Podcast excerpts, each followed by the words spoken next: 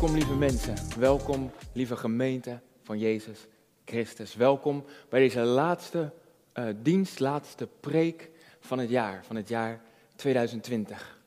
En wat een jaar is het geweest, is het niet zo? Voor de hele wereld. Er is, er is niemand op deze wereld die, die, die denk ik kan zeggen van nou, het was voor mij een gewoon jaar. Het was een heel ongewoon jaar, een abnormaal jaar, een jaar dat de geschiedenisboeken in zou gaan en uh, hoe dit ook verder zou gaan hè, met, met virus, vaccin en weet ik het wat allemaal. Maar in ieder geval, dit jaar zal de geschiedenisboeken ingaan als een heel raar, vreemd, ongewoon jaar. Maar voor u dan? En voor ons, voor mij, voor ons, de kerk van Jezus Christus, als wij samen zijn. Zijn wij dankbaar voor het afgelopen jaar? Kunnen we dankbaar zijn voor 2020, wat er is gebeurd, wat we hebben meegemaakt. Ik weet niet wat u allemaal hebt meegemaakt, u weet niet wat ik allemaal heb meegemaakt, maar het was voor ons allemaal anders. Maar kunnen we dankbaar zijn? En er zijn genoeg mensen, de meeste mensen zelfs, je ziet het nu al overal, die kunnen niet wachten totdat dit jaar voorbij is. We kunnen niet wachten totdat we kunnen zeggen 2020 streep er doorheen en we gaan met goede moed en met hoop 2021 in. Dat is mooi, dat is goed. Maar kunnen we dankbaar zijn voor het afgelopen jaar? En misschien tegen elk gevoel in, tegen uw gevoel tegen elke emotie in die we misschien hebben als we denken aan het afgelopen jaar, wil ik beginnen met deze paar Bijbelteksten. Heel kort. Het 1 Thessalonicense 5, vers 16 tot 18. Verblijd u altijd. Bid zonder ophouden en dank God in alles. Want dit is de wil van God in Jezus Christus voor u allemaal. Verblijd u altijd, bid zonder ophouden, stop niet met bidden en dank God in alles. Dat is de wil van God. Dat is wat God ons opdraagt om te doen en om te blijven doen. Altijd en in alles. Niet een beetje.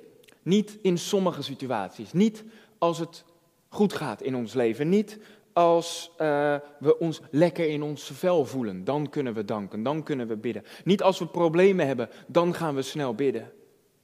Niet alleen als het allemaal lekker loopt in ons leven, gaan we aanbidden en danken. Nee, verblijd u altijd, bid zonder ophouden en dank God in alles. Altijd en in alles. Is dat raar dat ik dat zeg na het afgelopen jaar wat we samen gehad hebben?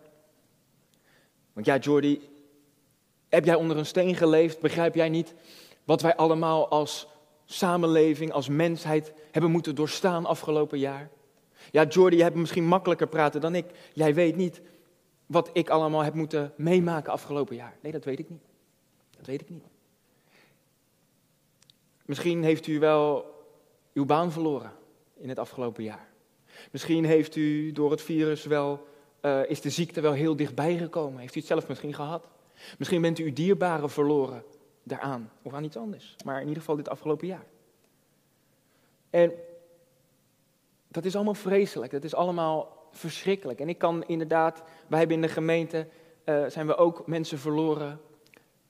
En het is vreselijk. Het is heel erg. En als je naar het afgelopen jaar naar, de, naar alle nieuws hebt gevolgd, zitten er ook vreselijke nieuwsberichten bij. Dat klopt. Maar lieve mensen, ik begin niet voor niets met dit woord. Altijd en in alles. Bid en wees dankbaar en verblijd u. Want het mag geen excuus zijn. Niks mag een excuus zijn om deze drie dingen te stoppen. Er mag geen excuus zijn om te zeggen: ik stop er even mee. Ik ga even op pauze. Weet u wat het meest gehoorde excuus was dit afgelopen jaar? Het afgelopen jaar, het excuus wat, wat het meest gehoord is, is, dat komt allemaal door corona, hè? Ja, logisch toch? Komt allemaal door corona. Ook in de kerk, ook in ons, in ons geestelijk leven. Ja, eh, mijn relatie met de Heer, ja, is niet sterker geworden het afgelopen jaar. Maar vind je het gek? Corona, hè? Ik ben, maar ik, ik, ik kan niet zeggen dat, ik, dat mijn geestelijk leven, dat ik daarin gegroeid ben. Dat mijn gebedsleven intensiever is geworden. Dat mijn, mijn levensstijl van aanbidding dat die sterker is geworden. Ja, maar corona hè.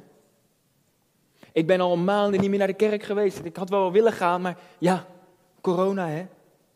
Ik heb, ik heb aan het begin van het jaar heb ik God van alles beloofd om te doen voor zijn, voor zijn koninkrijk. Maar ik heb dat allemaal niet kunnen doen, want ja, corona hè. Sommigen gaan nog een stap verder. Ja, ik had God wel echt in alles willen gehoorzamen, maar dat ging gewoon niet. Ik kon gewoon niet alles doen wat ik wilde doen. Ik kon hem niet alles geven wat ik heb willen geven, want ja, corona hè. Ik heb misschien zelfs af en toe een klein beetje gezondigd, omdat ja, ik voelde me zo alleen en eenzaam en depressief. Ja, dan moet ik wel even dat doen. Of dit nemen, of wat dan ook. Ja, corona hè. Sommigen zeggen, sommigen zeggen, 2020 was voor mij echt een tussenjaar. Gelovigen zeggen dat, hè? Een tussenjaar. Lieve mensen, een tussenjaar, een tussenjaar in het koninkrijk van God. Wat u eigenlijk zegt, als je dat zegt, wat, wat je dan eigenlijk zegt is, het koninkrijk van de hemel kan op pauze gezet worden door een aards virus. Het koninkrijk van God kan gestopt worden door aardse omstandigheden. Dat is wat je zegt. De levende God stopt nooit. Het woord van God, Jezus, het woord van God is levend en actief en stopt nooit. Het koninkrijk van God stopt nooit, staat nooit op pauze, staat nooit in de wacht, om maar zo te zeggen. Jesaja 9, vers 6 hebben we misschien net heel vaak gelezen, uh, omdat het kerst was. Hè? Het begint met um, uh, een, een, kind is ons geboren, een zoon is ons gegeven, of andersom. Maar in ieder geval, Jesaja 9, vers 6, daar staat aan de uitbreiding van zijn heerschappij zal nooit een einde komen. Aan de uitbreiding van zijn heerschappij, aan de uitbreiding van Gods koninkrijk zal geen einde komen. Niet alleen aan de heerschappij zal geen einde komen, maar aan de uitbreiding van zijn heerschappij. Dus de groei van zijn koninkrijk, de groei van zijn heerschappij, daar zal geen einde aan komen. Die gaat altijd door en het wordt altijd maar groter. Waarom denken wij dan, wij, de kerk van Jezus Christus, dat wij wel eventjes kunnen stoppen? Dat wij wel even op pauze kunnen gaan? Dat rijmt toch niet met elkaar? Maar hoe dan, Jordi? Je kan het zo makkelijk zeggen en je zegt het wel, maar ik heb ook gehoord dat jullie kerk vijf weken de deur heeft gesloten. Hoe rijm je dat dan? Even geduld. Wees niet bang, geen paniek. Ik ga alles uitleggen vandaag in deze boodschap. Maar hoe dan? Hoe bewegen wij in deze wereld anno 2020 als gelovigen, als kerk van Jezus? Hoe bewegen wij in deze tijd, in deze tijd van, van pandemie, van, van, van onrust, van chaos, van protesten, van weet ik het wat allemaal? Hoe blijven wij vasthouden en staan in ons geloof en hoe staan wij op voor ons geloof? Hoe blijven wij staan in een wereld die steeds verder afdrijft van God en van Gods wil en van Gods uh, plan voor deze wereld? Nou, een perfect voorbeeld, want ik zoek mijn antwoorden niet in YouTube-filmpjes of in uh, conspiracy theories. Ik zoek mijn antwoord in het woord van God. En in het woord van God, daar staat een, mijns inziens een perfect voorbeeld van een persoon die wist en die uitleefde hoe die moest blijven staan in een steeds donker wordende wereld. En dat is Daniel. Daniel wordt niet voor niets de eindtijdprofeet genoemd. Als je wil weten uh, wat er uh, nu allemaal gaande is, als je wil lezen over de eindtijd, dan moet je naast openbaring moet je ook in het boek Daniel zijn. Maar ik wil kijken vandaag naar iets in zijn leven, een, een hoofdstuk uit zijn leven, in Daniel 6. Maar voordat we daar naartoe gaan, wil ik eerst even de context schetsen. Daniel was gevangen genomen als, als, als, als Joodse jongen, als Joodse man, was in ballingschap in Babylon. Nou, Babylon, dat is het symbool en, en uh, uh, staat bekend om afgoden, eh, seksuele immoraliteit. Eigenlijk alles, even kort gezegd, alles wat God verboden had, dat gebeurde daar in Babylon. En ze probeerden Daniel en het volk van God daarin mee te slepen. Een aantal overeenkomsten tussen Babylon in Daniels tijd en onze wereld nu. Ik heb er drie opgeschreven. Eén is bijvoorbeeld, wij leven toen en nu, wij leven in een maatschappij die vijandig staat tegenover ons geloof, tegenover onze God. Twee, wij krijgen steeds meer bevelen van hogerhand om dingen te doen die ingaan tegen ons geloof. Of, niet van hogerhand, maar van onze naasten misschien wel, misschien wel op je werk, misschien wel op school, uh, ervaar je steeds meer druk om dingen normaal te vinden die rechtstreeks ingaan tegen wat wij geloven. Wat God niet normaal vindt. En drie, als we daar niet in meegaan, als we daar niet aan meedoen, dan zijn er consequenties. Dan komen er consequenties. Nou, Daniel leefde dus in Babylon. En uh, je ziet dus bijvoorbeeld ook dat, we kennen het allemaal, dat verhaal dat Daniel werd gedwongen om te buigen voor een afgod, voor een afgodsbeeld. Want ja, iedereen deed dat. Dus het was druk van bovenaf, van de overheid zeg maar, en druk van de naaste. Want ja, iedereen deed het en zo moest het. Maar Daniel boog niet. En we zien het ook nu in onze wereld. De groepsdruk wordt steeds groter. Als jij zegt dat je uh, uh, Jezus volgt en dat je de, de Bijbel de waarheid is voor jou. En, en dat, uh, dan, dan word jij eigenlijk weggezet als, als ouderwets. Of je wordt weggezet als dom. Dat je, hè, want als je slim bent, dan kan je niet in deze sprookjes geloven. Dat is wat de wereld nu zegt. En alles wat, wat God wil en wat Gods plan is, dat wordt vreemd gevonden. En alles wat God juist niet wil voor zijn schepping, dat is nu juist de norm aan het worden.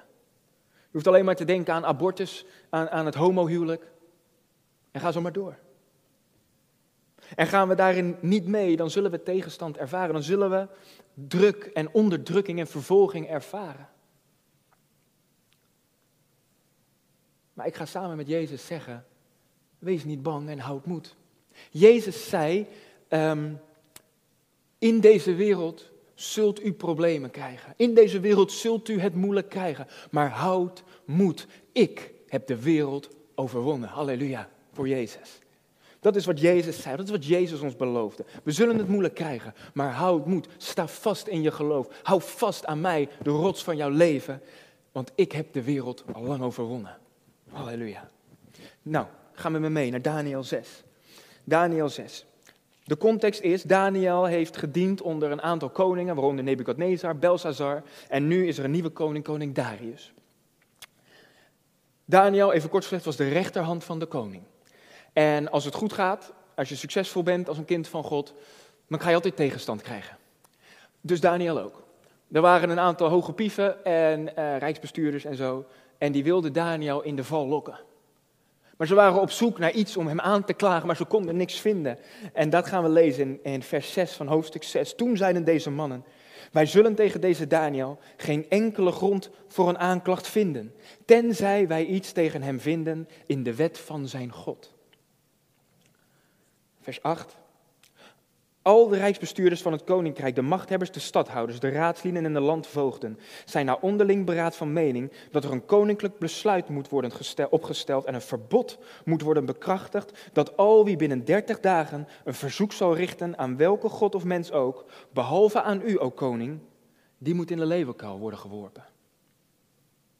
Nu dan, koning, stel het verbod op en onderteken het bevelschrift, dat niet veranderd mag worden volgens de wet van Meden en Persen, die niet mag worden herroepen. En zo deed de koning. De koning wilde het eigenlijk niet, want de koning hield van Daniel, zijn rechterhand. Dus eigenlijk werd hij ook in de val gelokt. Maar hij ondertekende het verbod dat er niet meer gebeden mocht worden tot welke God dan ook. Het ging hun niet om welke God dan ook, het ging om de God van Daniel. Het ging hun om de God van Israël, maar oké. Er mocht niet meer gebeden worden.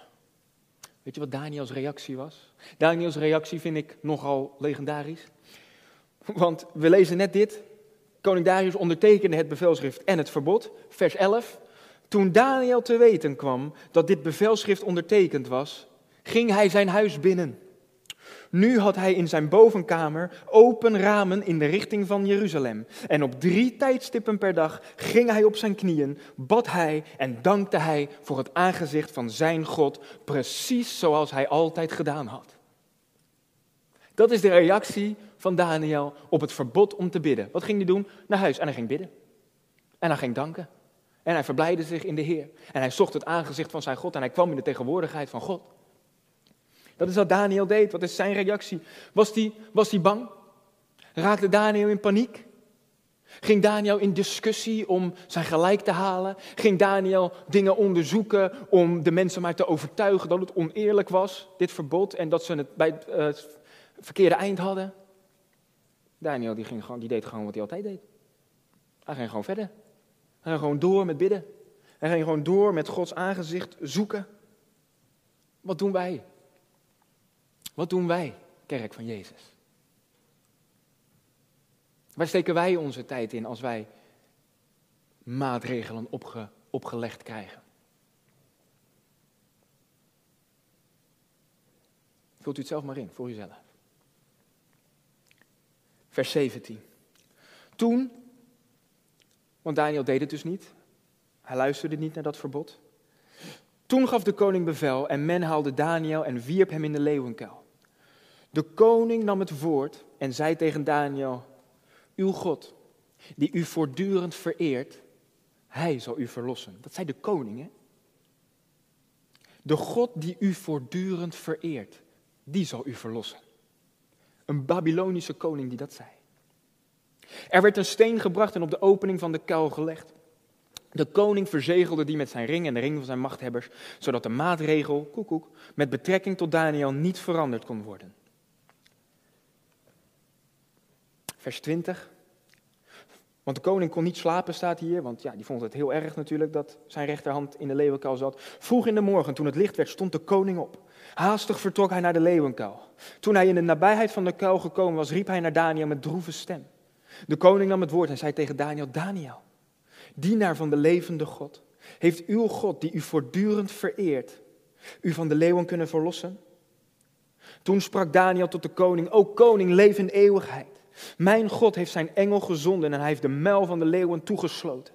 Zij hebben mij geen letsel toegebracht, omdat ik voor hem onschuldig ben bevonden. Ook tegen u, o koning, heb ik geen misdaad begaan.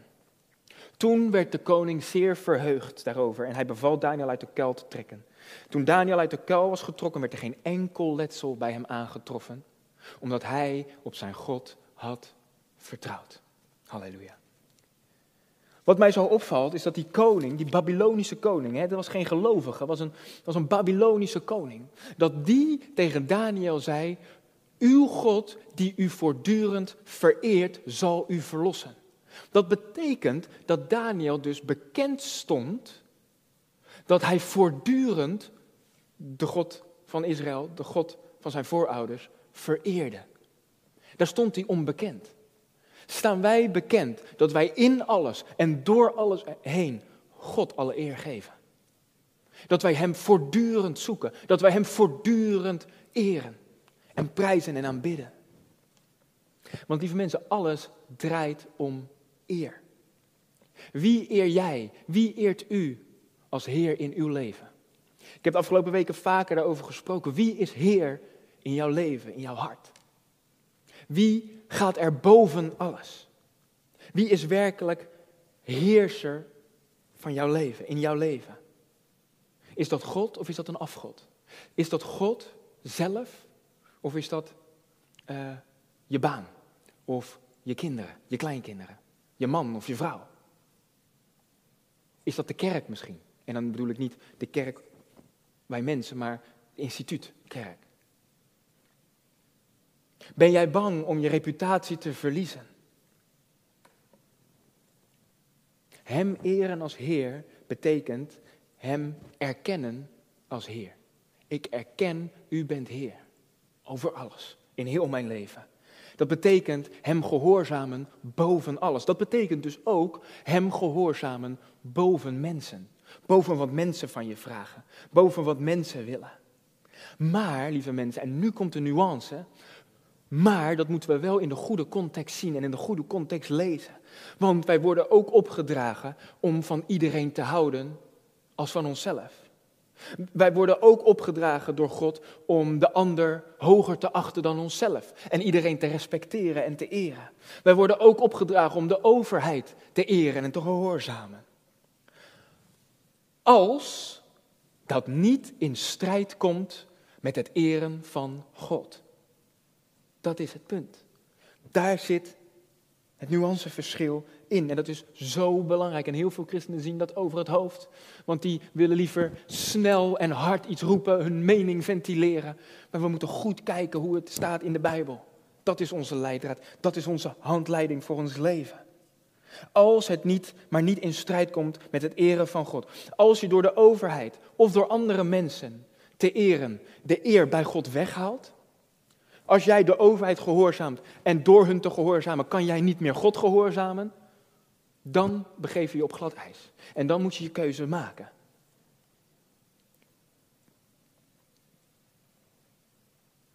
Als het gehoorzamen van God in het geding komt, dan moeten we onze hak in het zand zetten.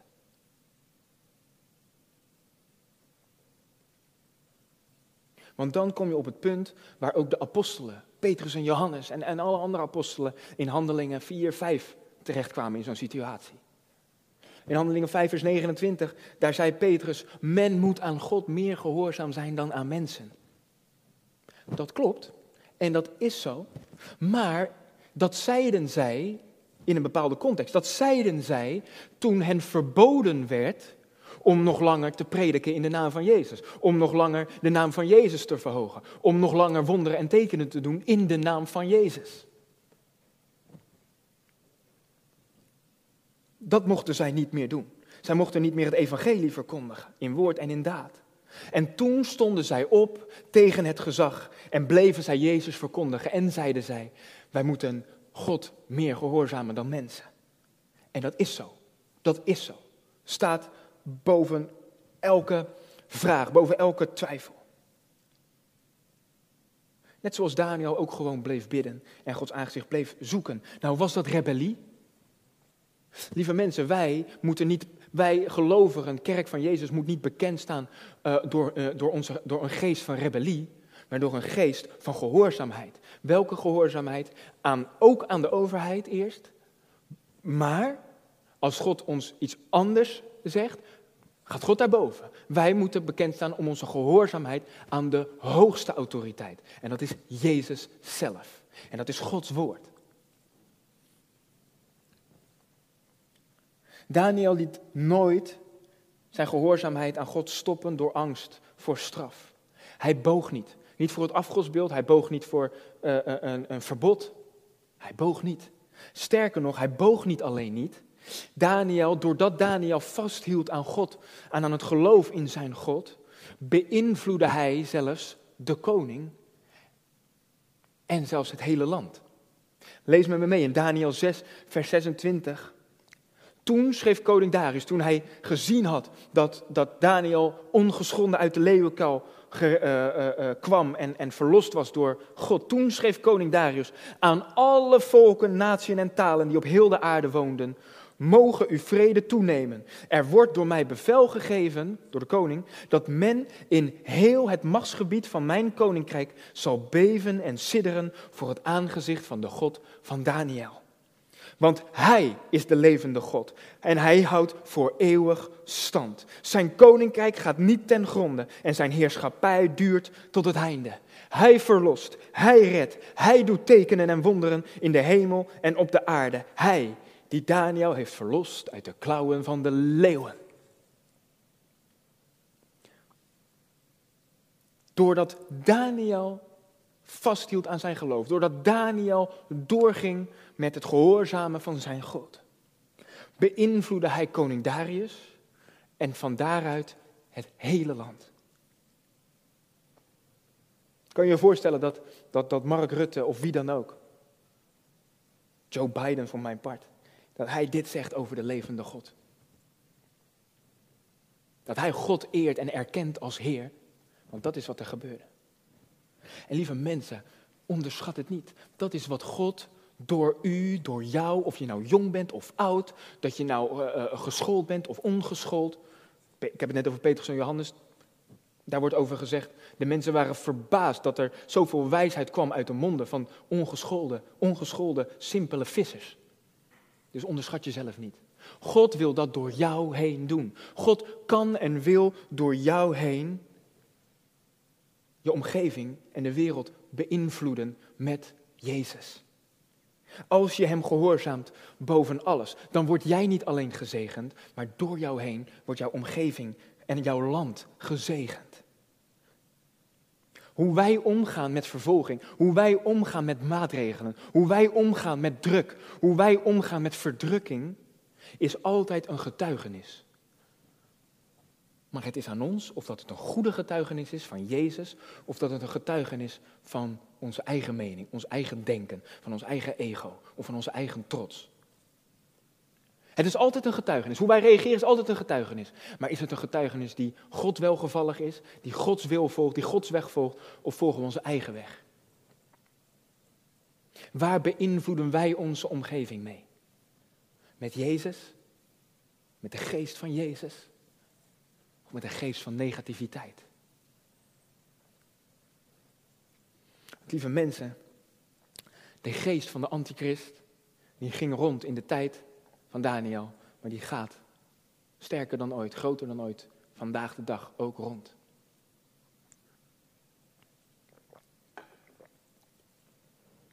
Ook nu is er een heel groot deel in de wereld van het lichaam van Christus dat helemaal de Bijbel niet meer mag bezitten. De Bijbel niet meer mag lezen.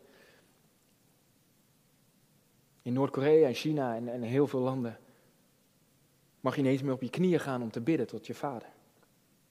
Dat is een hele andere situatie dan wij hier in Nederland vandaag de dag hebben, lieve mensen. En ik bagatelliseer het niet. Sterker nog, ik geloof dat het ook deze kant op zal komen. Maar dat is het nu nog niet. Dat is genade. Dat is genade. Buit die tijd uit. Want het vrij, maar het vrijwillig stoppen van kerkdiensten, dat is geen vervolging. Dat is geen verdrukking. Dat is een vrijwillige keuze op basis van Gods hart. Voor liefde voor de wereld, liefde voor de naaste. Solidariteit aan de ziekenhuizen en de zorg en veel meer. En ik ga er geen politieke preek van maken, want dat, dit is het kansel, dit is het woord van God, is geen plek voor politiek. Maar lieve mensen, wij moeten, als wij willen, dingen willen vergelijken, moeten we een, goede, een goed vergelijk maken. En in een goede context zien. En daarnaast, of wij nou samenkomen in een gebouw of niet. Wij zijn en blijven de kerk van Jezus Christus. Ja of nee? Wij zijn toch niet afhankelijk van een gebouw? De apostelen, de eerste kerk, de eerste gemeente, de vroege kerk, had helemaal geen kerkgebouw. Zij gingen van deur tot deur en straat in en straat uit om Jezus te prediken. En om Jezus te demonstreren aan de wereld. Om te getuigen van Jezus door zijn woord en door tekenen en wonderen te doen in zijn naam. Wat houdt u tegen om dat te doen? Wat houdt u tegen om kerk te zijn in plaats van naar de kerk te gaan? We horen het zo vaak en iedereen zegt daar amen op. Maar wie, waar is de kerk die ook echt de kerk gaat zijn?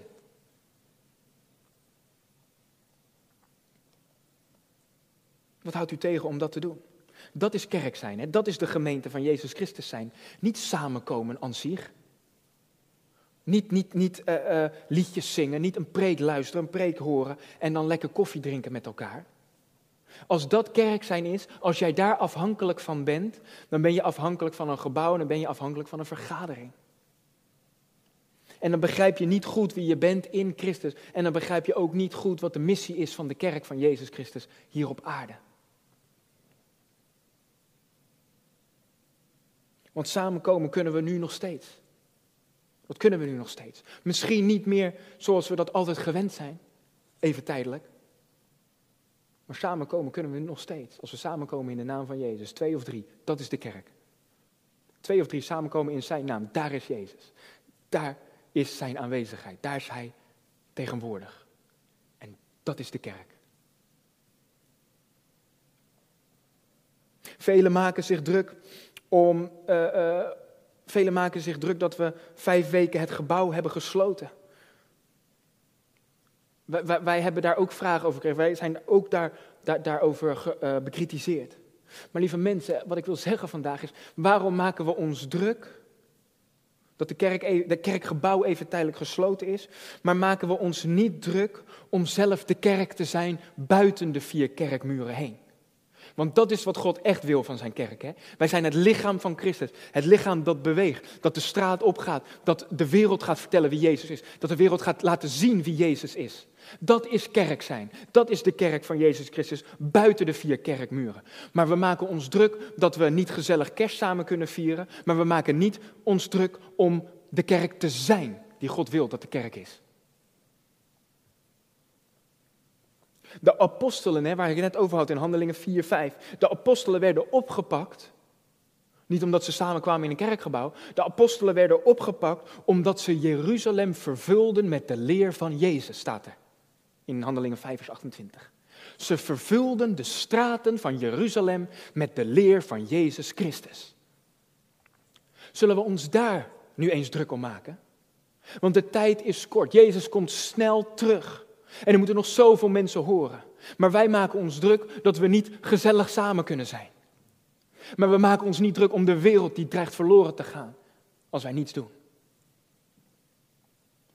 Ik vind het niet leuk om te zeggen, maar mijn lieve broer, lieve zus, zouden we ons daar niet een klein beetje voor moeten schamen? Want dan gaat het weer om wat wij fijn vinden. Wat wij missen. Oh, want ik mis het, want ik wil zo graag eren zij God zingen met kerst. Ik weet zeker dat als Jezus vandaag hier zou rondlopen in coronatijd 2020, dan zou Jezus veel meer tijd daarbuiten spenderen dan dat hij hier in het kerkgebouw zou, tijd zou spenderen. Want hij, ging, hij zou de straat opgaan om mensen te redden van de hel, om mensen te bevrijden van demonen en om mensen te genezen van al hun ziekten. En dat is wat God ook wil van zijn kerk en met zijn kerk. Begrijp me niet verkeerd, lieve broer, lieve zus. Ik zeg het met alle liefde. Alles wat ik, wat ik zeg, met alle liefde, want het is Gods woord en die zegt altijd alles uit liefde. Ook ik bouw enorm dat we niet uh, samen kerst hebben gevierd hier. De eerste keer dat ik geen kerst heb gevierd in de kerk. Is vreemd, is vervelend, is moeilijk. Maar de wil om de liefde van Jezus te laten zien aan de buitenwereld woog bij mij groter dan om zelf dan de wil om, om, om zelf hier een gezellige tijd te hebben. Ik vond dat belangrijker. Wij vonden dat belangrijker. Jezus offerde zichzelf op, gaf zijn leven voor die wereld. Kunnen wij niet eens een, een, een, een dienst in een gebouw opofferen voor de buitenwereld? En haal mijn woorden alsjeblieft niet uit zijn. Nou ja, goed, als je mijn woorden uit, uit, uit zijn verband wil halen, dan moet je het zelf weten. Dat, dat zegt dan meer wat over jezelf, denk ik. Maar daarmee bedoel ik niet dat we compromissen moeten sluiten met de wereld. Daarmee bedoel ik niet dat wij concessies moeten doen en dat wij uh, slaafs gehoorzaam moeten zijn aan de wereld en aan de overheid. Nee, nee, nee. Ik heb vrezen voor God, ik heb geen vrees voor de mens. Maar pas als ik door de mens te gehoorzamen ongehoorzaam ben aan God, dan zet ik mijn hak in het zand. Dan zeg ik nee, tot hier en niet verder. Als de lagere, lagere autoriteit van deze wereld mij zegt dat ik de hogere autoriteit, Jezus, moet ongehoorzamen, dan zeg ik stop. Nee, wij gaan door, want ik moet God meer gehoorzamen dan mensen. Amen. Dat is onze grens. Dat is onze grens, want ik geloof dat dat de Bijbelse grens is. Net als Daniel, net zoals de apostelen, zullen wij nooit stoppen. Zal de kerk van Christus nooit stoppen? Zal het koninkrijk van God nooit stoppen? Want hoe kunnen wij stoppen met God dienen? Hoe kunnen wij stoppen met God gehoorzamen? Hoe kunnen wij stoppen als God ons opdraagt? Verblijd u altijd, bid zonder ophouden, non-stop dus. En dank God in alles. Hoe kunnen we daarmee stoppen? Hoe kunnen we stoppen met God dienen, God aanbidden. Die God die alles heeft gegeven. Zodat wij hier kunnen staan, zodat wij het leven kunnen hebben en het eeuwige leven kunnen hebben. Hoe kan dat? Dat kan toch niet? Bid onophoudelijk. Zoek zijn aangezicht voortdurend. Eh, eh, Sta bekend om als een persoon die voortdurend God vereert. Net zoals Daniel. Nou, wat heeft jou afgelopen jaar, 2020, terugkijkend op het afgelopen jaar, wat heeft jou daarvan weerhouden om dat te doen? Om God alles te geven, om jouw hele leven over te geven aan Hem. Wat heb je gemist doordat je jezelf niet helemaal hebt gegeven aan Hem? Welke keuzes had je eigenlijk moeten maken zodat je ging groeien in je relatie met Hem? En om meer van Hem te ontvangen. Welke wonderen heb jij misschien gemist omdat je niet geloofde? Welke God gegeven bestemming heb jij nog steeds niet ontdekt voor jouw leven, omdat je het afgelopen jaar alleen maar druk was met jezelf of met corona of wat dan ook? De vraag is namelijk niet of God ons wil zegenen, of God ons wil zalven met meer, met meer olie en met meer vuur. De vraag is, wat zijn wij bereid om te doen of juist om los te laten, om dat meerdere, om die dubbele portie te ontvangen? Wat houdt ons tegen? Wat geven wij niet over aan Hem? Om die volle mate van genadegaven te kunnen ontvangen. Die God voor ons klaar heeft staan. Die God ons wil geven. Hij wil niets liever. God deelt uit en God geeft naar gelang onze honger, ons verlangen, ons streven, onze overgave, onze gehoorzaamheid, onze trouw en onze eh, rentmeesterschap en ons geloof. Welke prioriteit heb jij het afgelopen jaar gehad? Waardoor God niet alles kon geven wat hij wilde geven aan jou vandaag, eh, dit jaar. En lieve mensen, ook al is het de laatste boodschap en kom ik bijna, zijn we bijna aan het einde van deze eindejaarsboodschap van 2020. Het is nog niet te laat. Het is nog niet te laat. Maar dan is het nu wel de tijd dat je keuzes gaat maken. Dat je keuzes gaat maken. Waar moet je nog van bevrijd worden? Van je verleden? Van de dingen die je nu doet misschien? Wat moet je nog veranderen in je leven? Welke prioriteiten moet je, in, in, in, moet je, moet je stellen en welke volgorde? En in welke volgorde? Staat God echt op nummer één in jouw leven? Is Hij echt Heer van jouw leven? Leef je echt voor Hem? Is het echt dat Jezus jouw al in al is? Dat alles, dat Hij alles voor je is en dat jouw alles ook voor Hem is? Dat je echt leeft voor Hem? Dien je Hem zoals Hij van je vraagt? Geef je Hem wat Hij van je vraagt? Is jouw relatie sterker geworden het afgelopen jaar? Kan je zeggen, mijn relatie met de Heer is sterker dan ooit tevoren? Kan je zeggen, ik ben voller van de Heilige Geest dan ik ooit ben geweest? Heb je de gaven van de Geest nagestreefd om de gemeente op te bouwen? Heb je gehouden van je naaste zoals Hij van ons houdt? Heb je de wereld van Jezus verteld en heb je Jezus vertegenwoordigd? Heb je met mensen gebeden en ze genezen in de naam van Jezus? Heb je met jouw leven het afgelopen jaar de hemel naar beneden gebracht? Zoals Hij dat wil. Waar besteed je je tijd aan? Waar besteed je je aandacht aan? Waar besteed jij je geld aan? Het antwoord op die vraag, dat is datgene wat jij aanbidt. En wat jij volgt en wie jij volgt. Velen, vele christenen die denken Gods wil te doen door um, kennis. Alleen maar kennis, kennis, kennis, kennis. En doordat ze vol raken van kennis, raken ze vol van zichzelf. En voelen ze zich hoger en verheven boven andere christenen. En ze voelen zich geroepen om de waarheid te vertellen en daarmee andere gelovigen, broeders en zusters te bekritiseren en naar beneden te halen. Weet je tegen wie die apostelen opstonden? Weet je tegen wie Jezus meermaals opstond? En met wie Jezus de grootste problemen had? Dat waren de religieuze leiders van zijn tijd. Dat waren de fariseeën, dat waren de sadduceeën, dat waren de schriftgeleerden. Allemaal medegelovigen.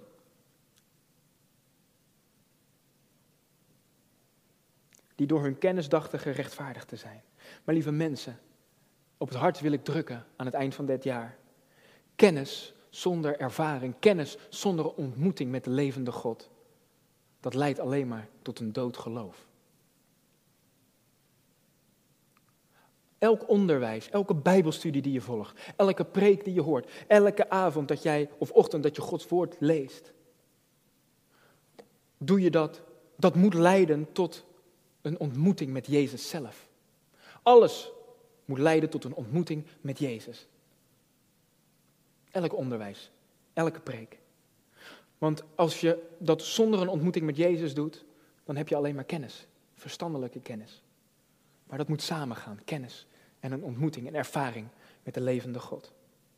Daarom, ontmoet Hem. Iedere dag. Spendeer tijd in Zijn tegenwoordigheid, in Zijn presence.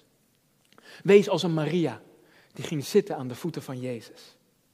Verblijden, bidden en danken hebben alle drie te maken met één ding en dat is zijn in de tegenwoordigheid van Jezus. Leven in zijn tegenwoordigheid.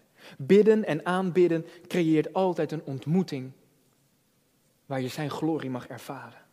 En ik ga je zeggen, daar ontvang je de kracht. Daar ontvang je de moed, de kracht van de Heilige Geest en de moed en het vuur en de passie om te kunnen blijven staan. Hoe donker de wereld ook wordt, hoe de wereld of de overheid jou ook wil onderdrukken, of hoe de mensen jou ook willen vervolgen.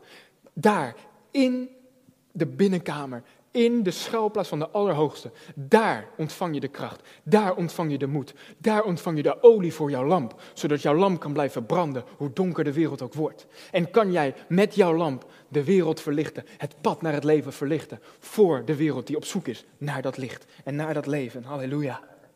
Dus zoek Hem in alles. Dank Hem in alles. Bid tot Hem. Aanbid Hem. En als je al die dingen doet, verblijd je in altijd.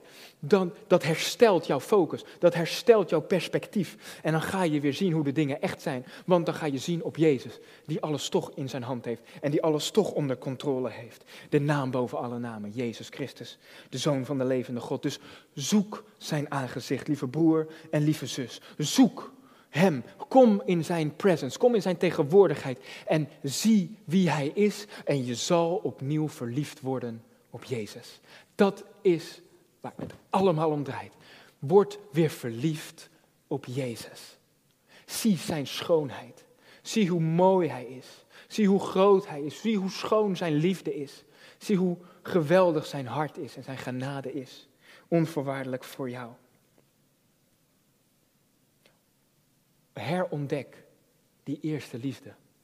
Herontdek jouw eerste liefde voor Jezus. Want lieve mensen, u, jij, ik, wij zijn de kerk van Jezus Christus. Wij zijn het volk waarover zijn naam uitgeroepen is. En het is nu meer dan ooit de tijd om te buigen nederigheid, om te bidden en om zijn aangezicht te zoeken en om ons te bekeren van onze slechte wegen. Want dan zal hij vanuit de hemel horen, dan zal hij onze zonden vergeven en ons land genezen. Zegt 2 Kronieken 7, vers 14. Dat is de opwekking. Dat is revival. Dat is waar wij op hopen en waar wij, wat wij verwachten. Ook in 2021. Maar het begint bij ons. Het lichaam van Jezus. De kerk die niet te stoppen is. En die zegt, niet door kracht, niet door geweld, maar door de kracht van de Heilige Geest alleen. In Jezus staan. Laten we bidden.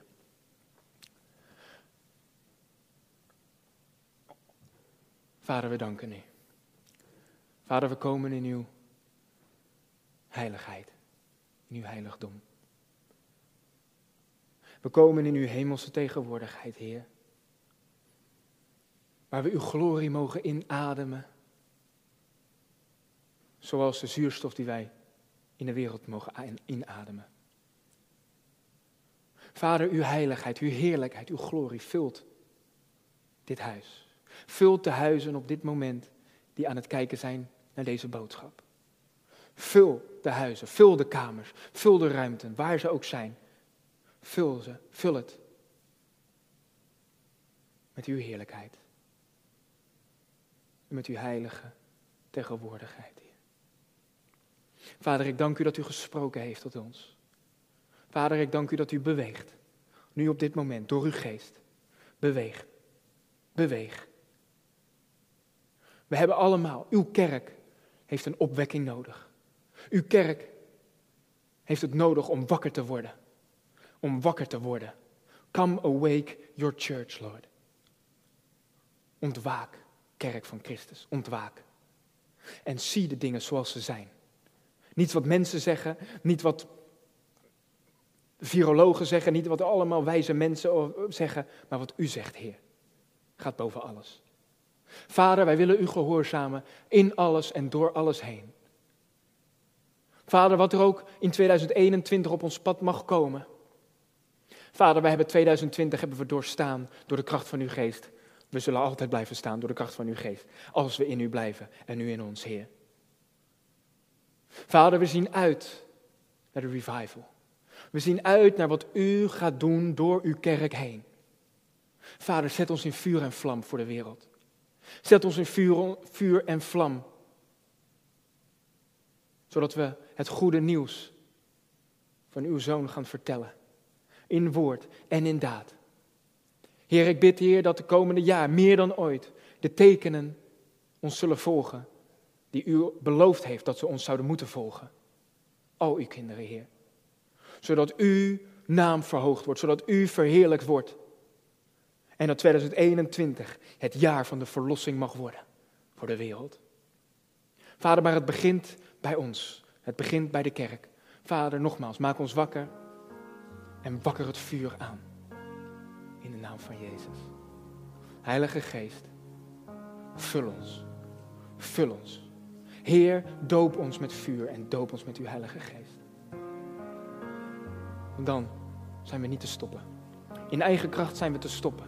Maar door de kracht van uw geest zijn wij unstoppable. Wij zijn the unstoppable church of Jesus Christ. Dank u, Heer. Dank u, Heer. Dank u, Heer. Wij verblijden ons in u. Wij bidden tot u. En wij danken u in alles. Want dat is de wil van God in Jezus Christus voor ons allen. In Jezus' naam. Lieve broer, lieve zus, wees gezegend. Wees gezegend met deze boodschap. Wees gezegend met de tegenwoordigheid van God door zijn geest. Wees gezegend. Met Gods liefde, zijn genade en met, zijn, met de inwoning van de Heilige Geest.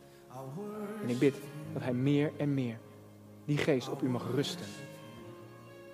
Zodat u Jezus kunt laten zien in deze wereld. In Jezus naam. Amen.